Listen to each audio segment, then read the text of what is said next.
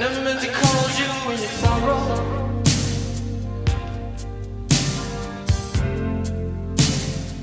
I never meant to cause you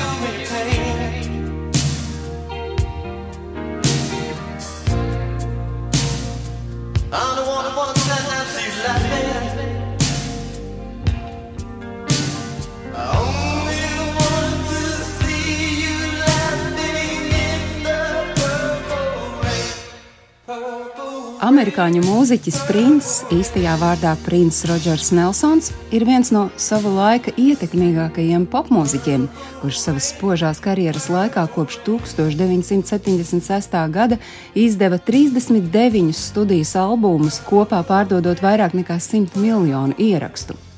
Saņēmis Kinoakadēmijas balvu, Grammy balvu par mūziku filmai Purpura lietus, kā arī zelta globusu par dziesmu filmai Jautrās plēznas, bet 2004. gadā viņu uzņēma rokenrola slavas zālē. Liktenīgs ražīgajiem mūziķiem bija 2016. gada 21. aprīlis, kad pulksten 9.43. policijas patruļa ieradās izsaukuma vietā Princa skaņu ierakstu studijā. Policisti un mediķi ieraudzīja liftā gulošu vīrieti bez redzamām dzīvības pazīmēm, veicot pirmās palīdzības pasākumus, atgūt vīrieti pie samaņas neizdevās. Tika konstatēts, ka nāve iestājusies pulksten 10 un 7 minūtēs no rīta. Tad arī tika noskaidrota mirušā personība. Tas bija 57 gadus vecais princis Rodžers Nelsons. Kamēr ritēja izmeklēšana, sabiedrība lūkoja sekot līdzi pēdējo dienu notikumiem. Pēdējos princa dzīves mēnešus mūziķis nebija juties labi, turklāt viņš bija sasirdzis ar gripu, tādēļ sava mūža pēdējā aprīlī viņam nācās pat atcelt divus koncertus. Tikmēr 15. aprīlī mūziķis par spīti sliktajai pašsajūtai tomēr izlēma par labu koncertam Atlantā. Atgriežoties no tā, viņam kļūst sliktāk. Acīm redzot, princia pašsajūta tobrīd bija patiešām ļoti nelāga, ja reiz mirklī, kad līdz gala mērķim bija atlicis lidot mazāk kā 50 minūšu, privātā lidmašīna veica piespiedu nosēšanos, lai mūziķis varētu slimnīcā saņemt medicīnisko palīdzību. Vairāki avoti uzsvēra, ka princis aizvests uz slimnīcu, kur ārsti izdarījuši viņam drošu injekciju. Nu, tāda parasti tiekot pielietota, lai neutralizētu opiātu radītas sekas. Tāpēc notikušā rakstīja slavenību tanku portāls TMZ. Citējot vārdā nenosaukta avota teikto, mediķi ieteikuši mūziķim uzturēties slimnīcā vismaz 24 stundas, jo viņam bijusi organisma atūdeņošanās.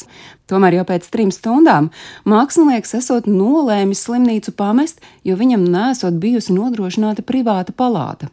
Brīdī, kad princis pametis slimnīcu, kā atceras aculiecinieki, viņš izskatījies nevesels, un viņu prāt mediķiem nevajadzēja pieļaut mūziķa došanos mājup.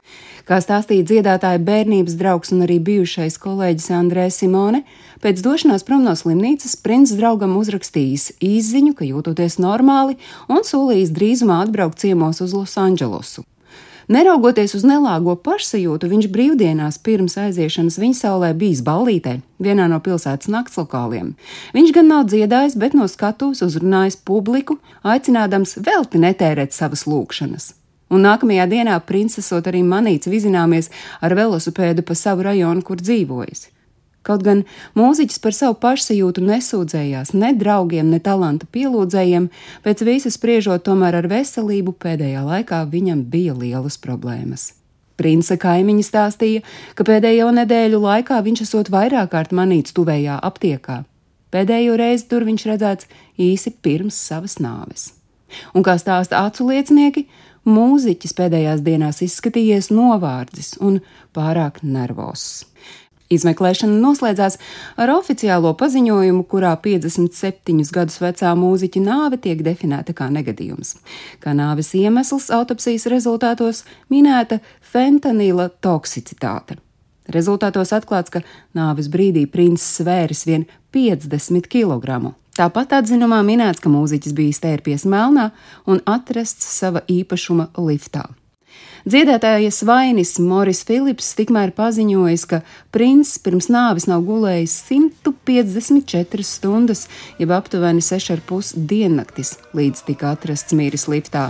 Viņš esot strādājis 154 stundas bez pārtraukuma. tās vainas pavēstīja dziedātāju faniem. Stāstīja Agnese Trunka.